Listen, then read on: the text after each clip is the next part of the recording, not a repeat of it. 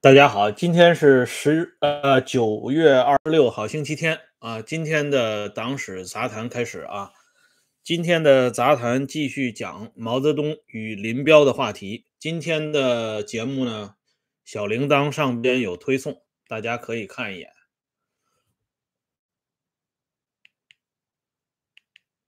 而且今天呢，啊，我跟这个会员节目啊，这个。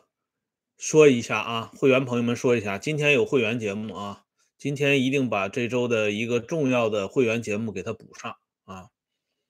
这个加入时政会员必须通过这个我给出的指引啊，这个我这幻灯片上都播了，按照这个指引来加入。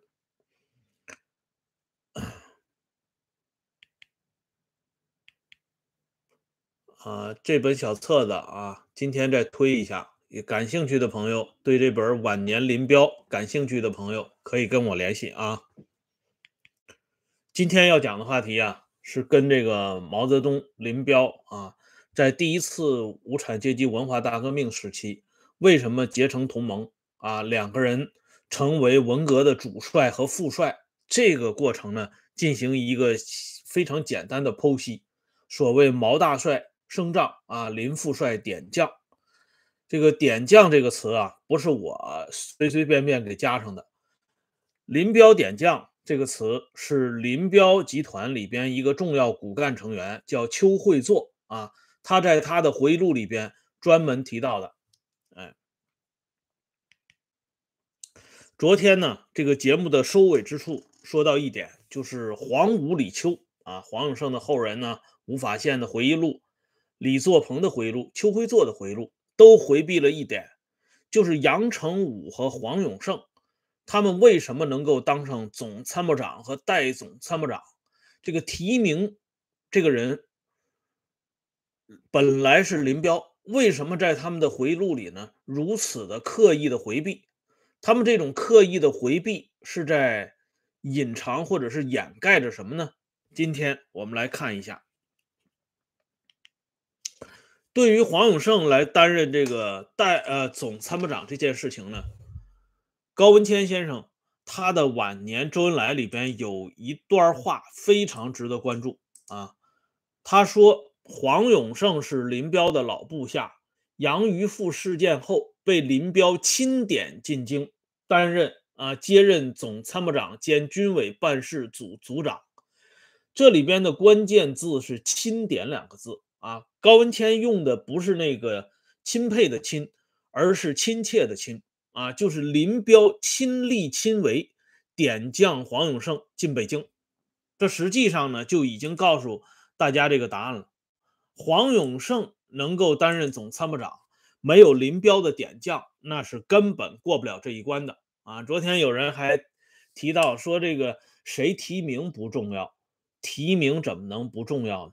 这个提名权就是今天我们说的点将权啊，只有副帅才能有点将，才能有提名的这个资格，别人是不具备这个资格的啊。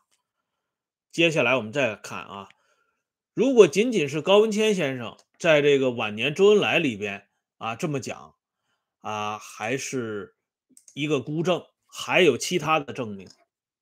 第二个证据。是林彪的秘书张云生，他在他的回忆录《毛家湾纪实》里边是这么写黄永胜上台的。他说黄永胜原是广州军区司令员，他是林彪的老部下。一九六八年三月杨鱼腹事件后，经林彪啊提名，他升为总参谋长，升任改组后的军委办事组组长啊，并任啊改组后的军委办事组组长。张云生这个人呢，他啊，在林彪翻案这个过程当中，那可以说是不遗余力。一个是王年一，一个是张云生，还有一个刘家驹，这几个老头子是最喜欢给林彪翻案的。所以张云生的这个回忆呢，应该说也是啊比较真实准确的反映当时黄永胜上台的一个视角啊。接下来我们再看。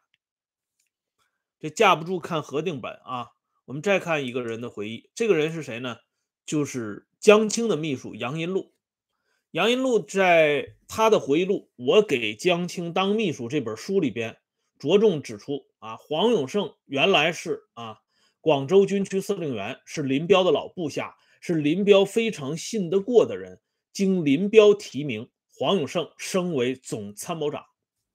哎，这样的话，我们看下来，若干个直接或者是间接的证据。都指向林彪提点黄永胜进北京担任总参谋长。那么问题就来了，为什么啊？黄永胜自己的儿子，呃，这个黄春光，他在这个《炎黄春秋》上边刊载的这篇文章啊，回忆他爸爸担任总参谋长的这篇文章，文章的题目叫《黄永胜任总参谋长期间的一些事儿》啊，是由黄春光口述的，由别人这个笔录的。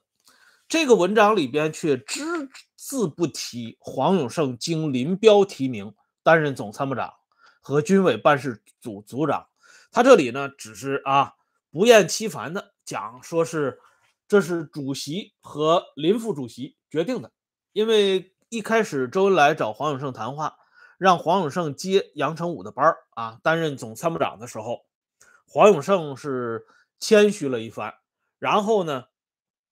林彪啊，直接跟这个黄永胜谈话的时候就说：“啊，这个这是主席定的，啊，我改变不了，你也改变不了。”这里边呢，黄春光的口述也是在刻意的回避林彪点将这件事情，而且他的回避非常巧妙，因为他用林彪的话说：“这是主席定的，没错呀，谁当总参谋长？”啊，或者谁当代总参谋长，甚至在文化大革命期间调动一个排的兵力，都是主席定的。问题是谁在提名呢？谁在点将呢？为什么黄春光他们这些人都在回回避呢？啊，这是一个非常有意思的问题。他们最回回避的东西，恰恰是他们最不愿意说出来的东西。他们最不愿意说出什么东西呢？最不愿意说出林彪与黄永胜之间这种非常亲密的关系，因为他们特别忌讳一点，忌讳那个中共中央已经给他们父辈定性了的问题——黄、武、李、邱四大金刚。他们一直在用某种刻意的方式向大家解释一点：黄永胜、吴法宪、李作鹏、邱会作。只是因为工作的关系才走到一起来的，而非刻意的拉帮结派，而非林彪与他们共同结成一个紧密的团伙，这才是他们真正要回避的东西。我们往下看啊，关于这段杨成武啊，这个跟毛泽东之间的这番对话，我这节目自打播出这段以后。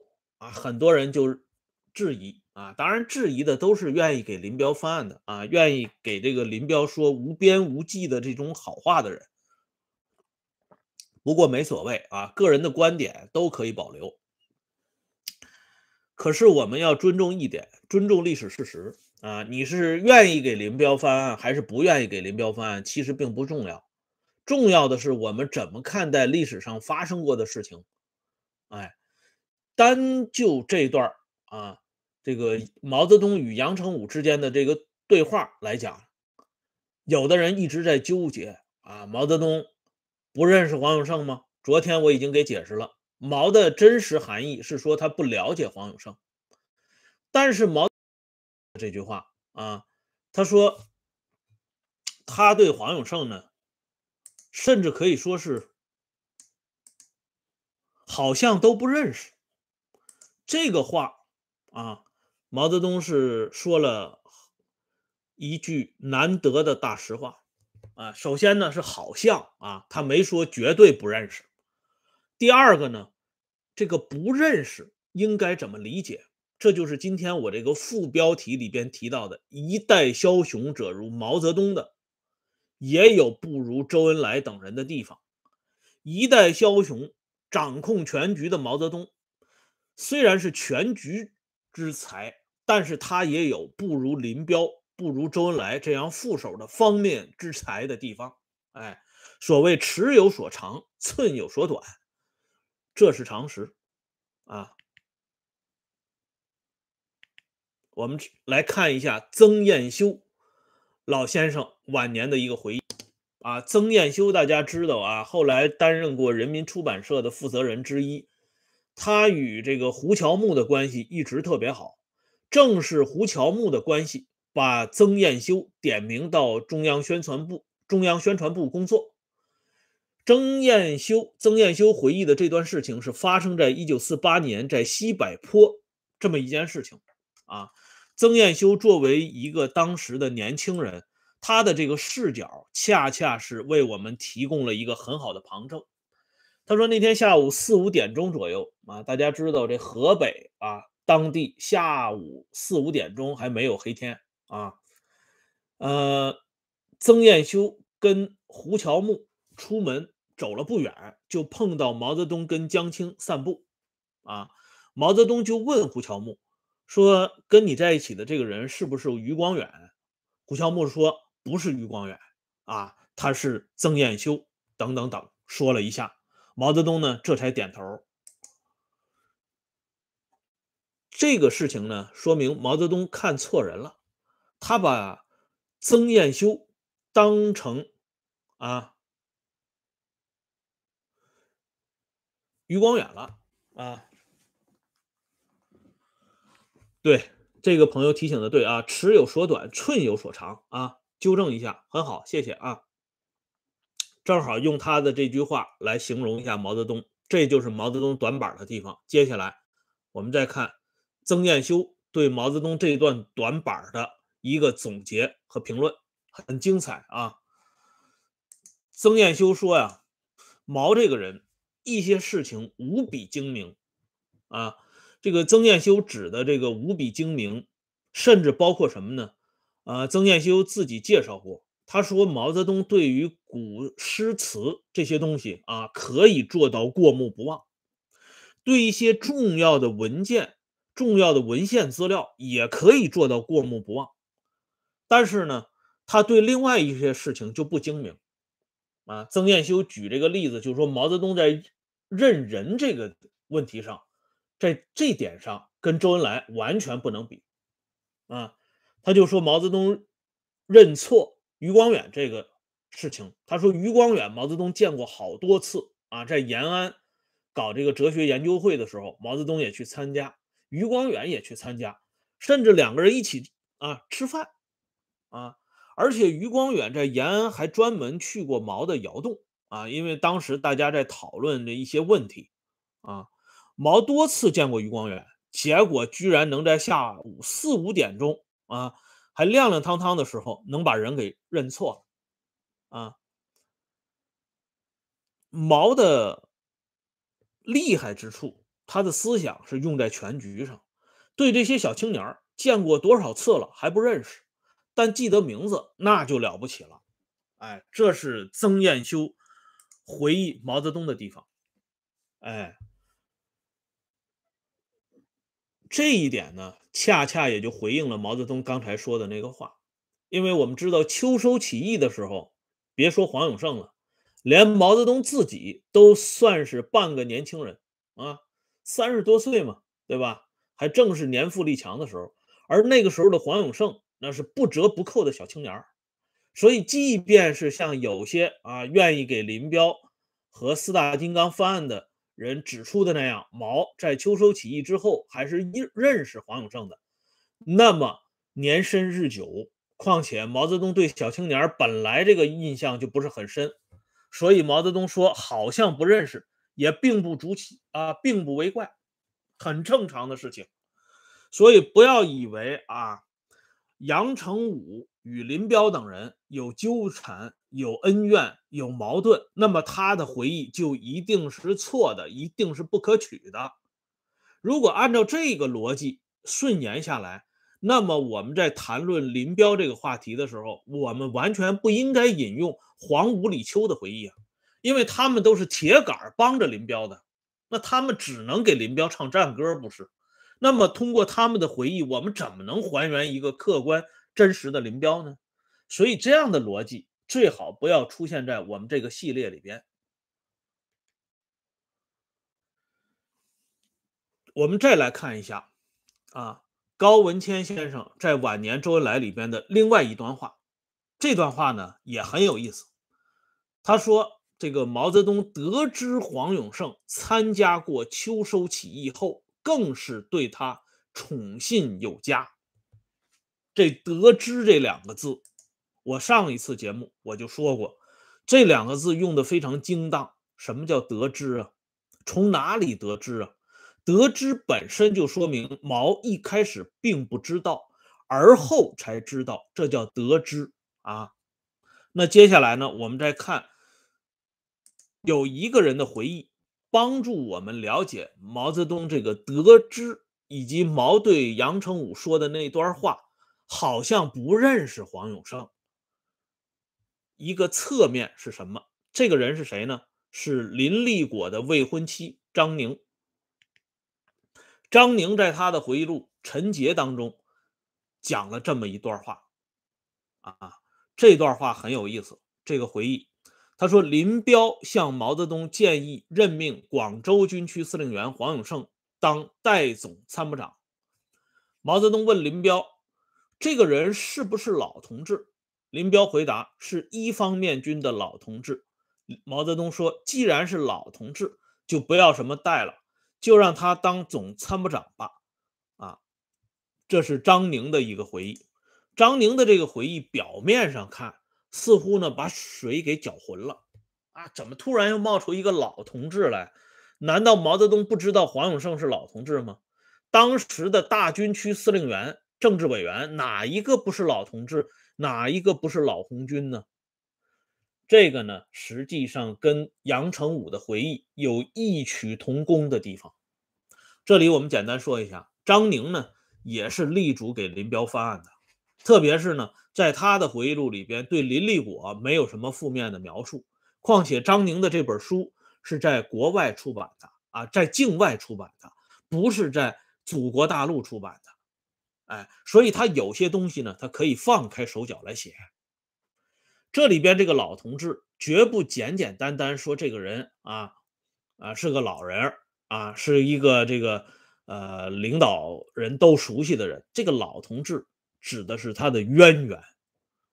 这个老同志甚至可以狭义的理解为这个人是不是秋收起义上井冈山的老部下老人马？因为林彪也是上井冈山的，林彪虽然没有参加过秋收暴动啊。参加的是湘南暴动，但是他也是井冈山旧部。哎，林彪马上补充一句，是一方面军的老同志，这一点呢就不用说了。黄永胜不仅是一方面军的，甚至是一军团的啊。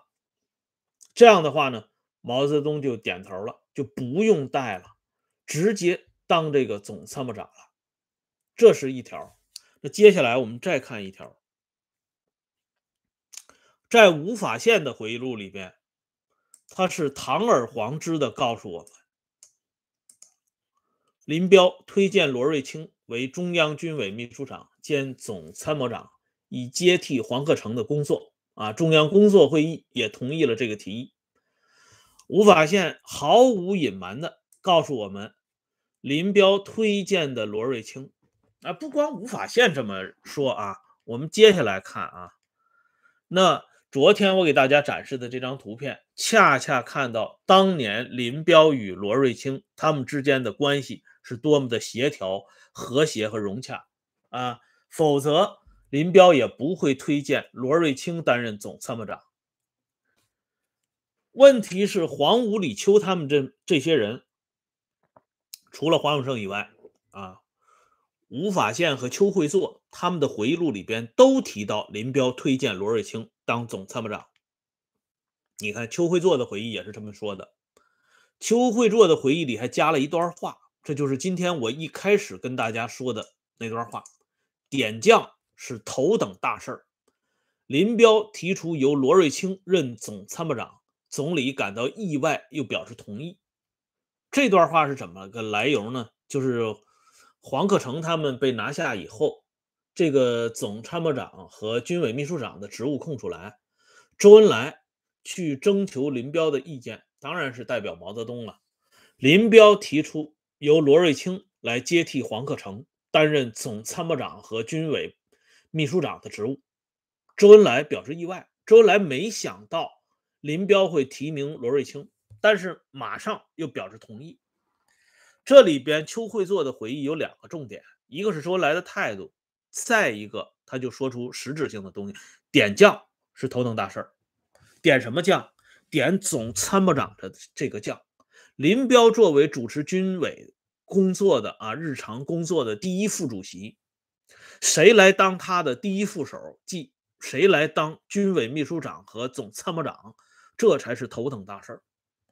那么，吴法宪和邱会作为什么在罗瑞卿担任总参谋长和军委秘书长这件事情上毫无隐瞒呢？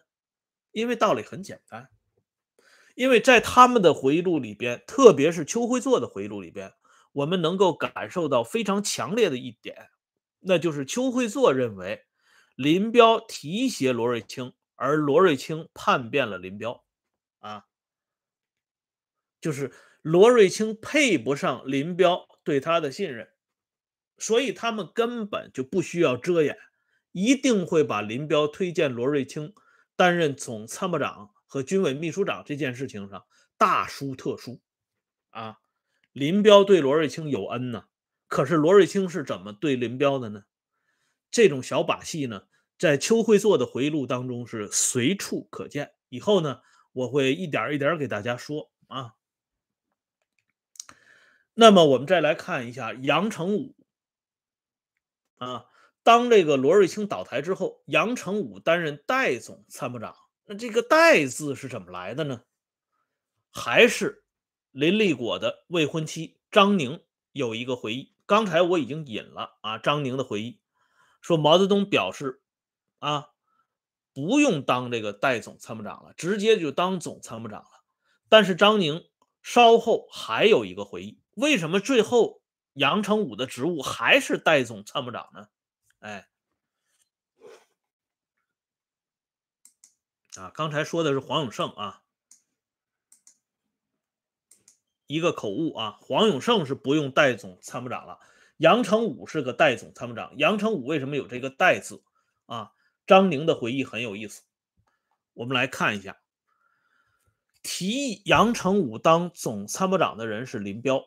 毛泽东未表态，叶群说：“林彪，你不先摸摸主席的意思就提名，还是在前面加个‘代’字，报上去让主席确定。”林彪听从叶群的意见，果然，毛泽东批下来，杨成武当代总长。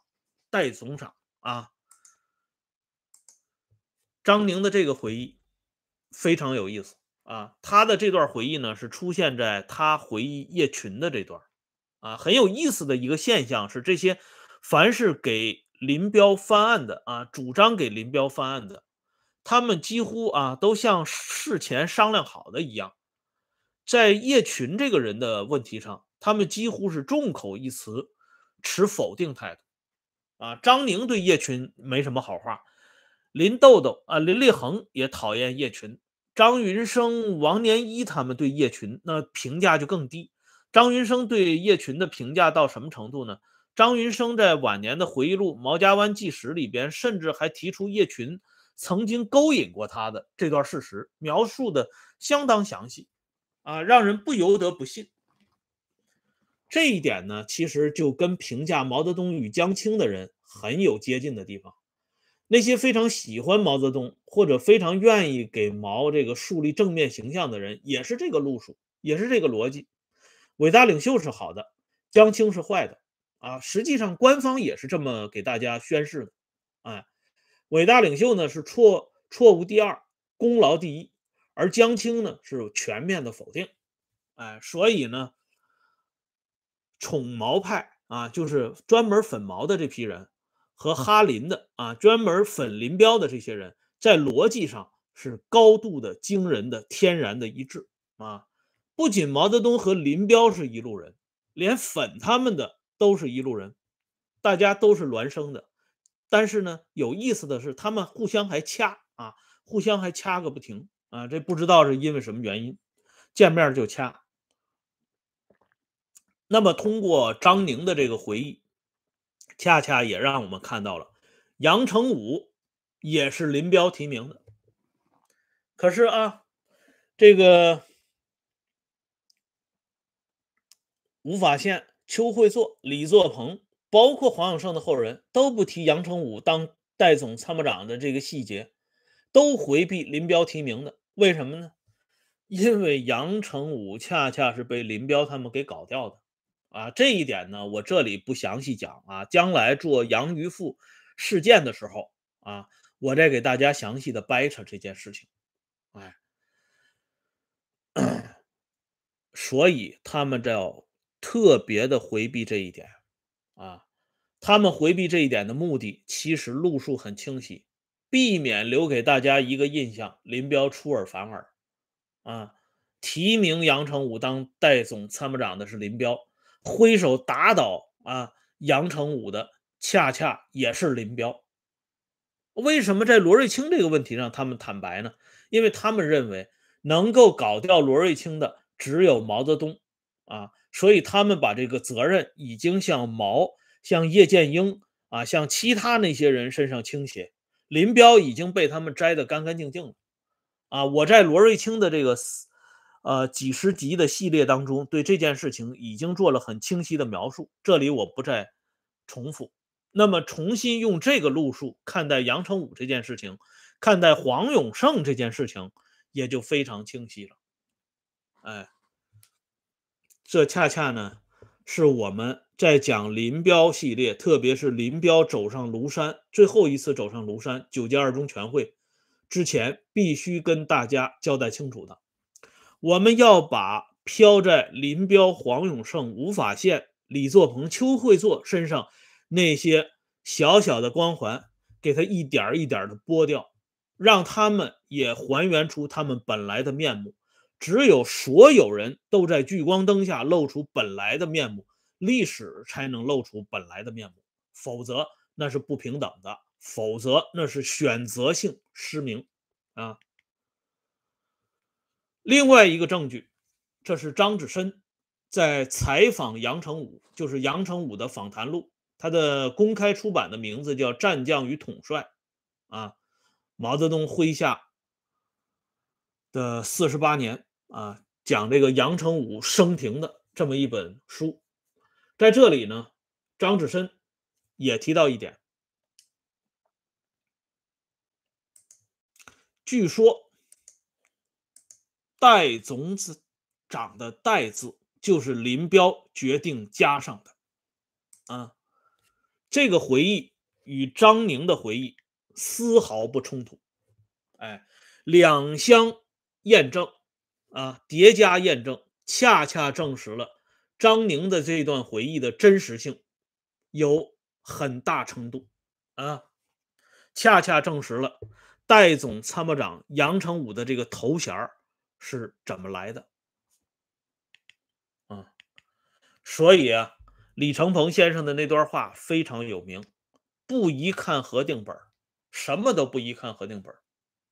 哎，好了。今天呢，我们把这段故事呢，给大家掰扯清楚了啊。那么飘在黄永胜脑袋上的一些东西呢，在陆陆续续的褪色。哎，由此呢，我们接下来来看一下林彪和江青之间的这个关系，他们之间这个复杂的关系其实也不复杂，无非是利用与被利用，或者是互相利用的关系。因为一直以来，黄永胜的后人啊，吴法宪、李作鹏、邱会作等人的回忆录，都在洋洋自得地宣扬一件事情，那就是他们啊，为什么最后身陷囹圄？因为他们不懈地与江青团伙做斗争啊，特别是这黄永胜的儿子啊，黄春光的回忆，把他老爹黄永胜与。这个江青之间的这种斗争描写的简直啊无以复加。那么历史的真实是不是像他们自己啊编造的这么简单呢？我们明天一起来看一看。感谢朋友们上来打赏支持啊！欢迎大家关注“温相说时政”会员频道，周一到周日经常有更新，今天就有更新啊！一会儿我们会员节目见啊！感谢点赞、收看和收听的朋友们，再见。